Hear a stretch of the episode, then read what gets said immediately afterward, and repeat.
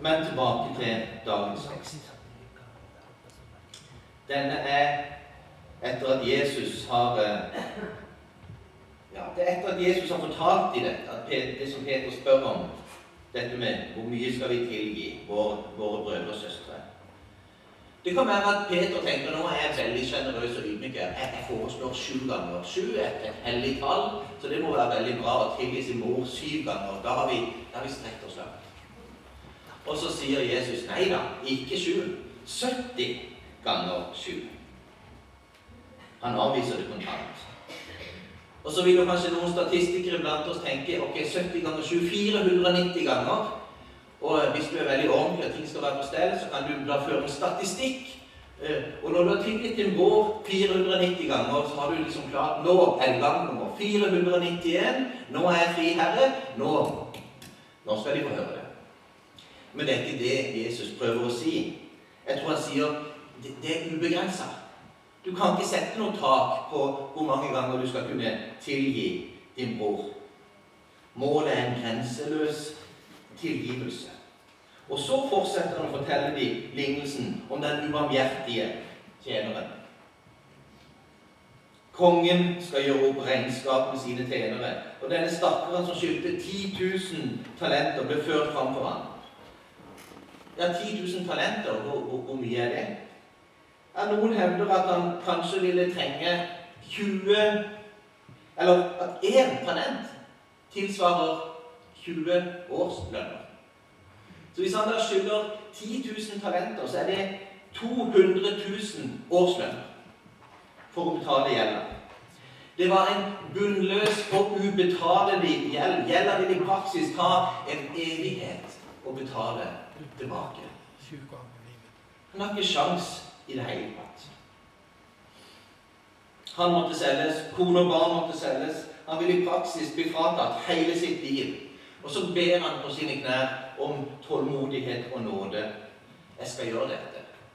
Men bønnen er vel nesten egentlig meningsløs. For, for det er jo så mye at du vil jo aldri kunne klare å betale tilbake alt dette. Og Herren, kongen, fikk inderlig medfølelse. Og ikke bare sa han til ham ok, gå ut og prøv å skaffe det du trenger. Han sa jeg, jeg sletter gjelda. Jeg ettergir gjelda. Du trenger ikke å betale tilbake noen ting. Han fikk ettergitt sin bunnløse gjeld. For en nåde, for en godhet denne mannen i bunnløs gjeld fikk erfare. Han fikk i praksis livet sitt, familien, kona, tilbake som en ufortjent gave fordi Herren var nådefull. Og da vil jeg tenke Tenk denne mannen. Han hadde ingen vei ut. Han hadde ingenting igjen. Han kunne aldri betale tilbake. Så har han fått denne gaven av nåde. Jeg tenker Denne mannen burde jo gå ut fra det rommet med en dyp takknemlighet, et nytt perspektiv på livet, en ny eh, kilde av nåde i sitt eget liv. Han burde se livet og medmennesker på en ny måte. Men lignelsen den forteller oss det stikk motsatte.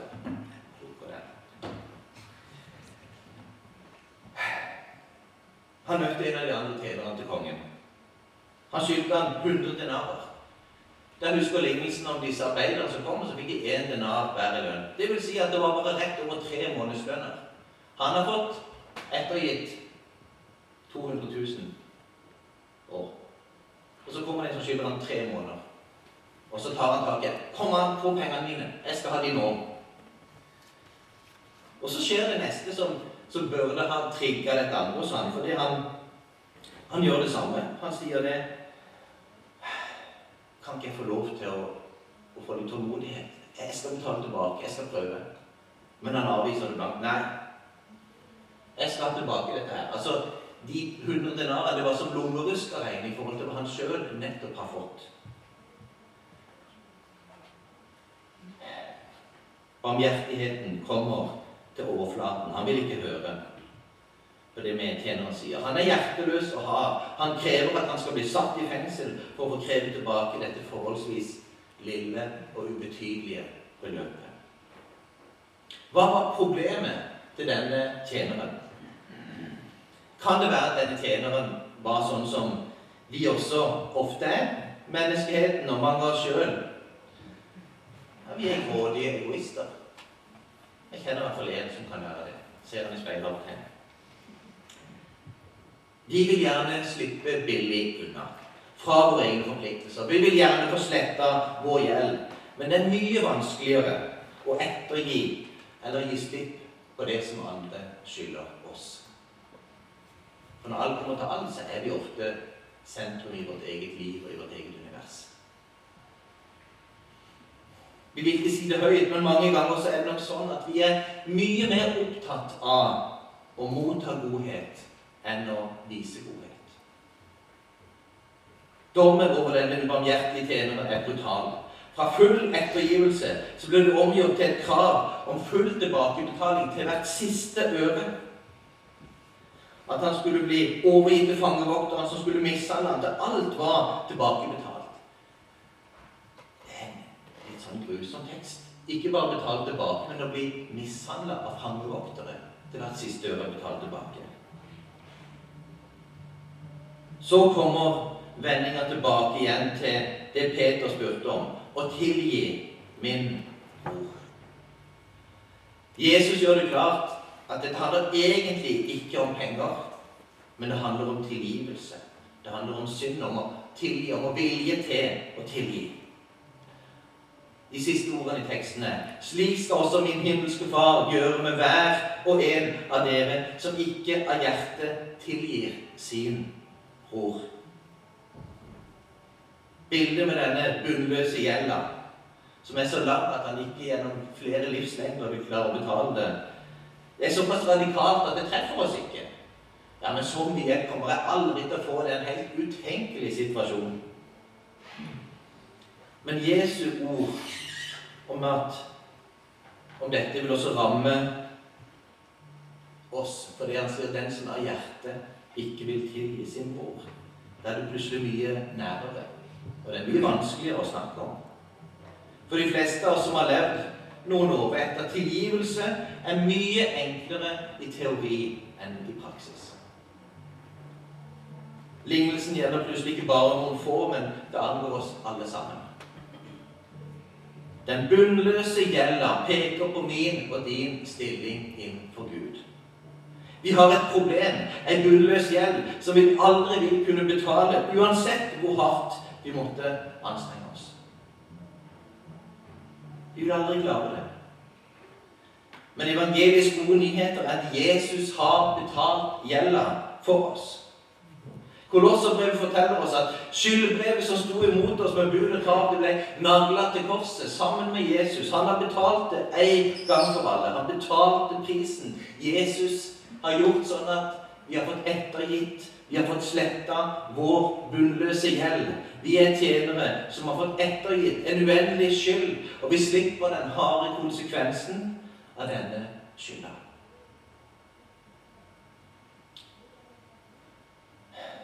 Sier Jesus at når vi har fått barmhjertighet, så skylder vi også å vise barmhjertighet og gi barmhjertighet.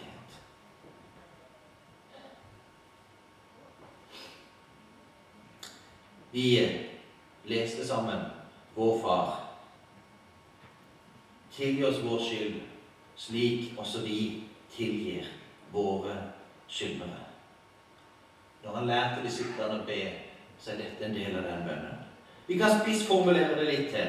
Tilgi oss vår skyld, sånn som, eller i samme grad som, vi tilgir de som skylder oss noe. Vi ber nesten om en slags begrensning. altså Ikke tilgi meg mer enn jeg er villig til å tilgi andre. Og det er på mange måter det som det står i teksten. Hvis vi ikke av hjertet kan tilgi vår bror, så vil vi møte den samme dommen som den ubarmhjertige tjener. Jesus sier det er saligere å gi enn å få. Når det er så utrolig deilig å bli tilgitt. Det tror jeg alle oss har opplevd når vi får høre det. Vi vet vi har dumma oss ut. Vi vet vi har gjort noe galt. Og noen sier 'Jeg tilgir det'. Det er utrolig godt. Hvor mye bedre bør det ikke da være å kunne tilgi andre? Vårt oppdrag som troende er å bringe ut de gode nyheter. Skylden er betalt. Du kan få sletta din bunnløse gjeld. Du kan motta tilgivelse. Det er evangeliet.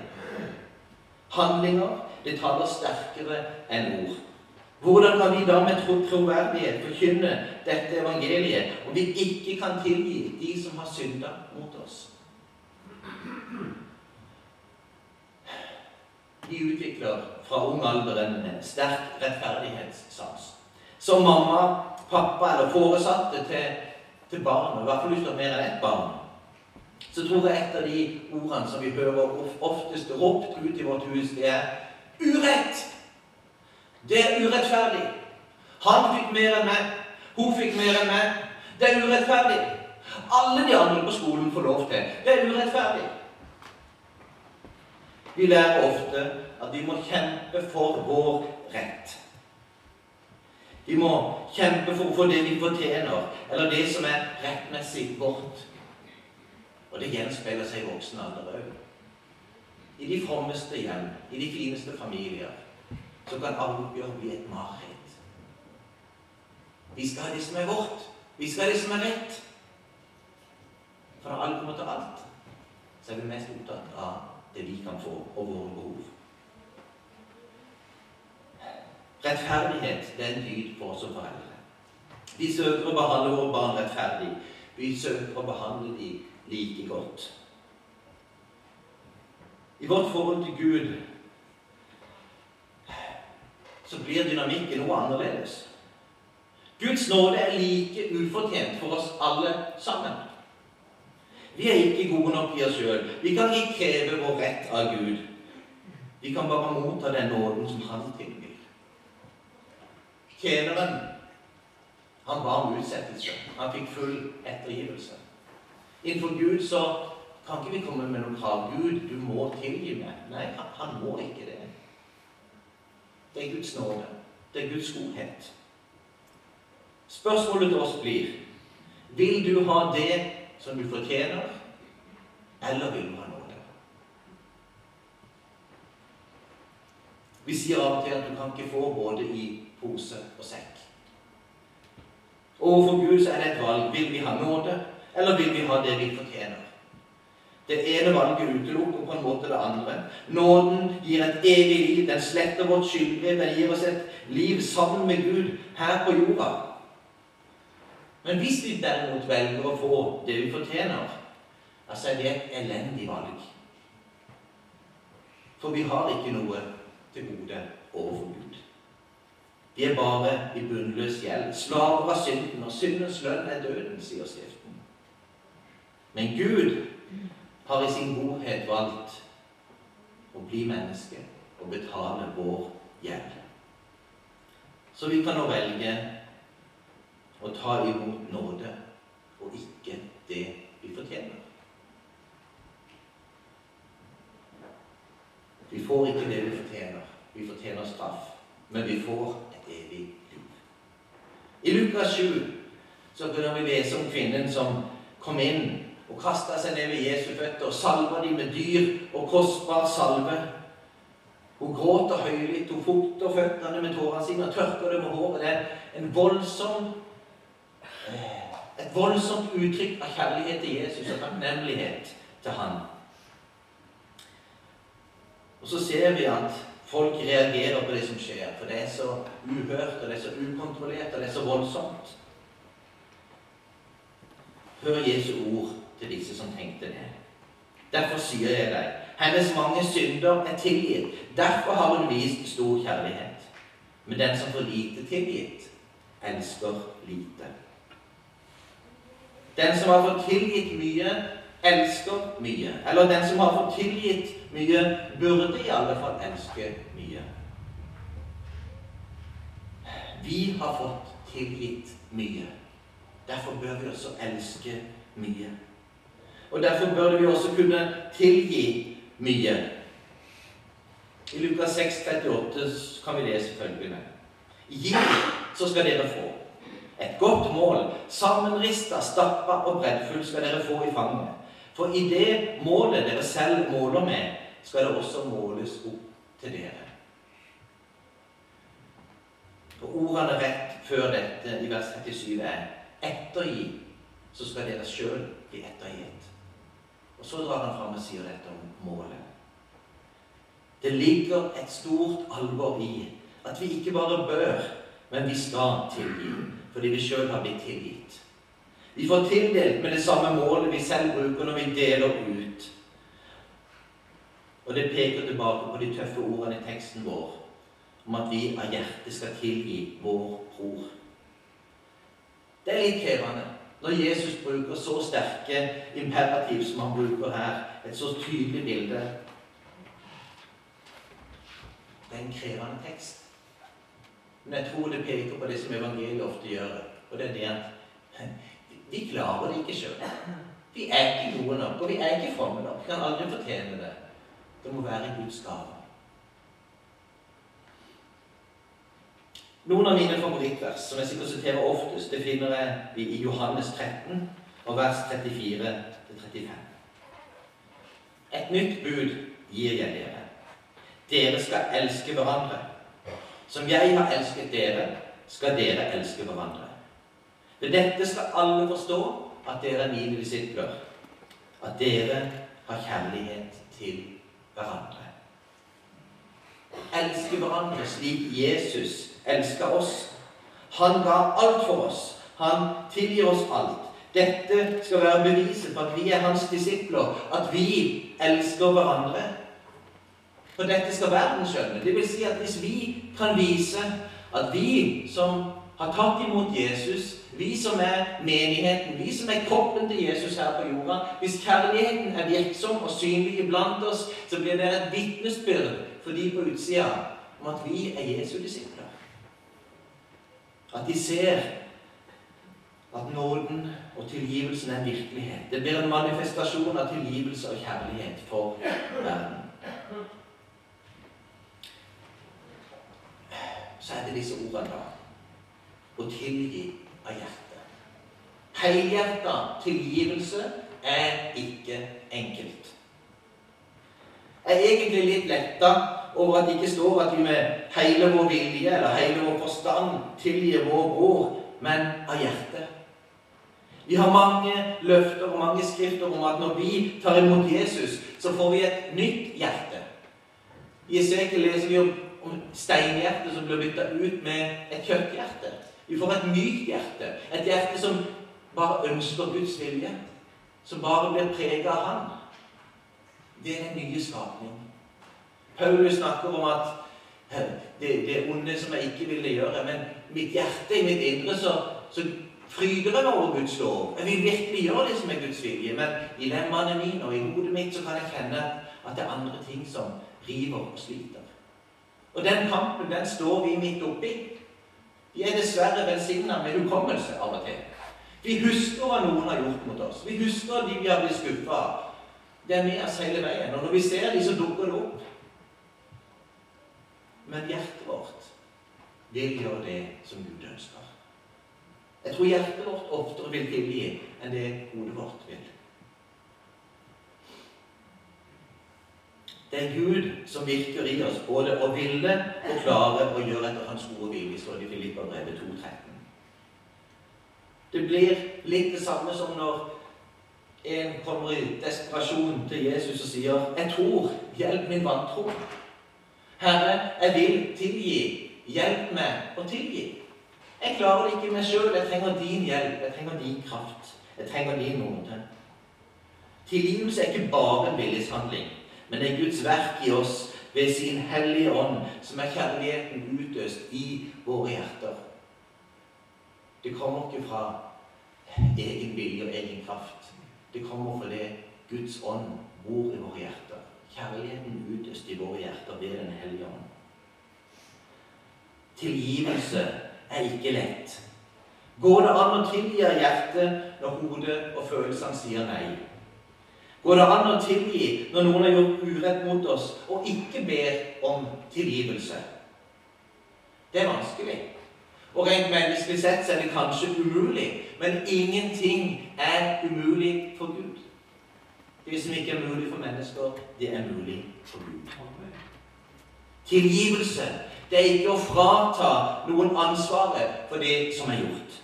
Tillit må gjenopprettes. Lovbrudd må gjøres opp for. Dette betyr ikke at vi skal bagatellisere. Og Det har vært mange saker i kirkelandskapet, og mange ting har kommet til overflaten de siste årene om ting som har skjedd i våre sammenhenger som er forferdelige, og som er vanskelige. Og så står det jo i Skriften at en bror, en bror skal ikke gå til sak mot en bror, men det handler ikke om dette. Hvis noen gjør et lovbrudd i våre menigheter, så er det vår plikt å melde fra til de rette myndighetene. Så skal myndighetene gjøre det som skal gjøres for at den saken skal bli behandla på en ordentlig måte. Luther snakker om det verdslige regiment, den verdensorden som sørger for at ikke alle bare kan gjøre som de vil. En struktur som er gudgitt fordi vi ikke er menigheten. Men så har vi det åndelige regiment. Så har vi de åndelige lovene som er litt annerledes. Der det også er mulig å tilgi det som faktisk skal bli straffa. Tilgivelse er en livsforvandlende kraft. Tilgivelse fratar de som har krenka oss, makt over våre liv. Vi kan med Guds hjelp tilgi, og så kan vi oppleve at det setter oss i frihet. Det betyr ikke at det som skjedde, ikke var galt. Men det betyr at den makta de har hatt over våre liv, den kan bli løst når vi velger å tilgi. Da blir vi sjøl satt i frihet. Ufortjent tilgivelse kan forvandle de som har krenka oss. Og evangeliet det handler jo egentlig om at Gud tilga oss når vi ikke prøvde og spurte om hun ba om å bli tilgitt ham. Det står i Bibelen det fins ikke én rettferdig, ikke én som søker Gud. Og så står det i Romerbrevet 5 vers 8 at Gud viser sin kjærlighet til oss ved at Kristus døde for oss mens vi ennå var syndere. Når vi ikke søkte Gud, oppsøkte han oss, betalte straffen og tilbyr oss tilgivelse. Denne livsforvandlende kraften. Jeg så en film fra en rettssal. Det hadde vært en lang rettssak. Dagen for dommen var kommet. Jeg tror dommen var opplest. Men så skulle en av de pårørende for offeret få lov til å komme med en hilsen til den dømte. Jeg mener det var en drapssak. Jeg fant ikke igjen klippet, men jeg husker veldig godt hva som skjedde. Tiltalte har etter ikke hatt nesten noe ansiktsmimikk under rettssaken. Viste ingen tegn til anger, viste ingen reaksjoner. Det ble lest opp hva han hadde gjort. Ingen reaksjoner. Han ble dømt. Ingen reaksjoner. Straffemålinga ble opplest. Og Så kommer en mann opp, og så sier han det. Du har tatt fra meg noe av det jeg var mest glad i. Du har tatt det livet. Og for de som jeg det. Men sier han, jeg tror på Jesus. Og jeg vet at Jesus har tilgitt meg så mye. Og han sier at jeg skal tilgi de som har gjort noe galt mot meg. Så av mitt hjerte så tilgir jeg deg.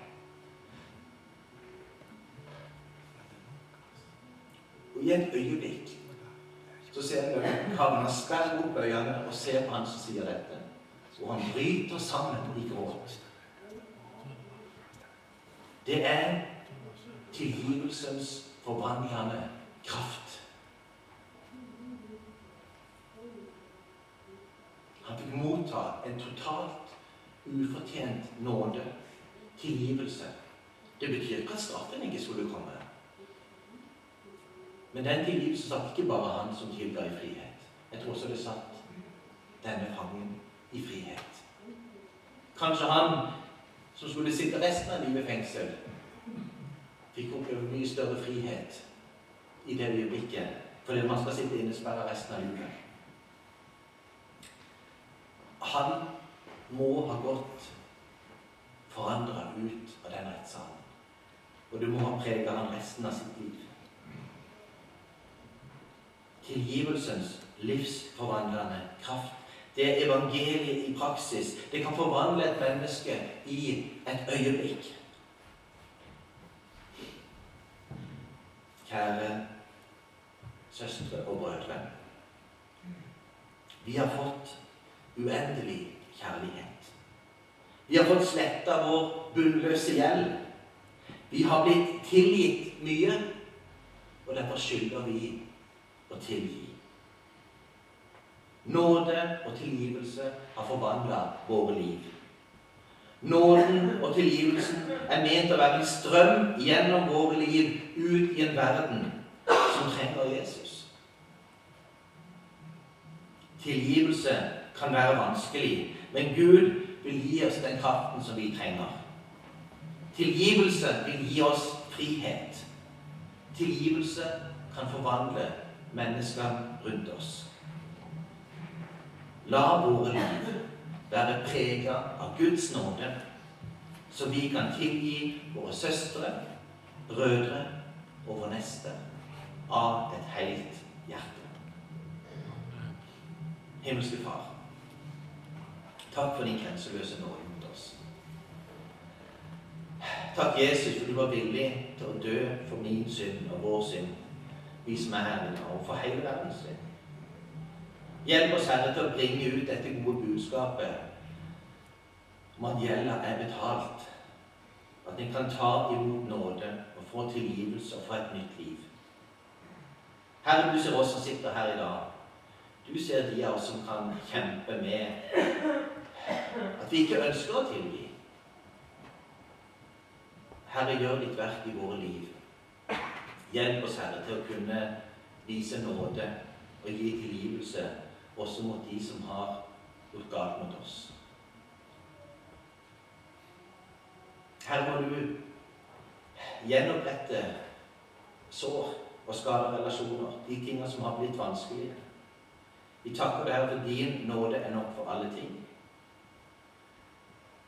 Din nåde er nok for oss og for alle mennesker. Herre, la Nåden og tilgivelsen blir en kraft og en kilde i våre liv. Det ber vi om i Jesu navn. Amen.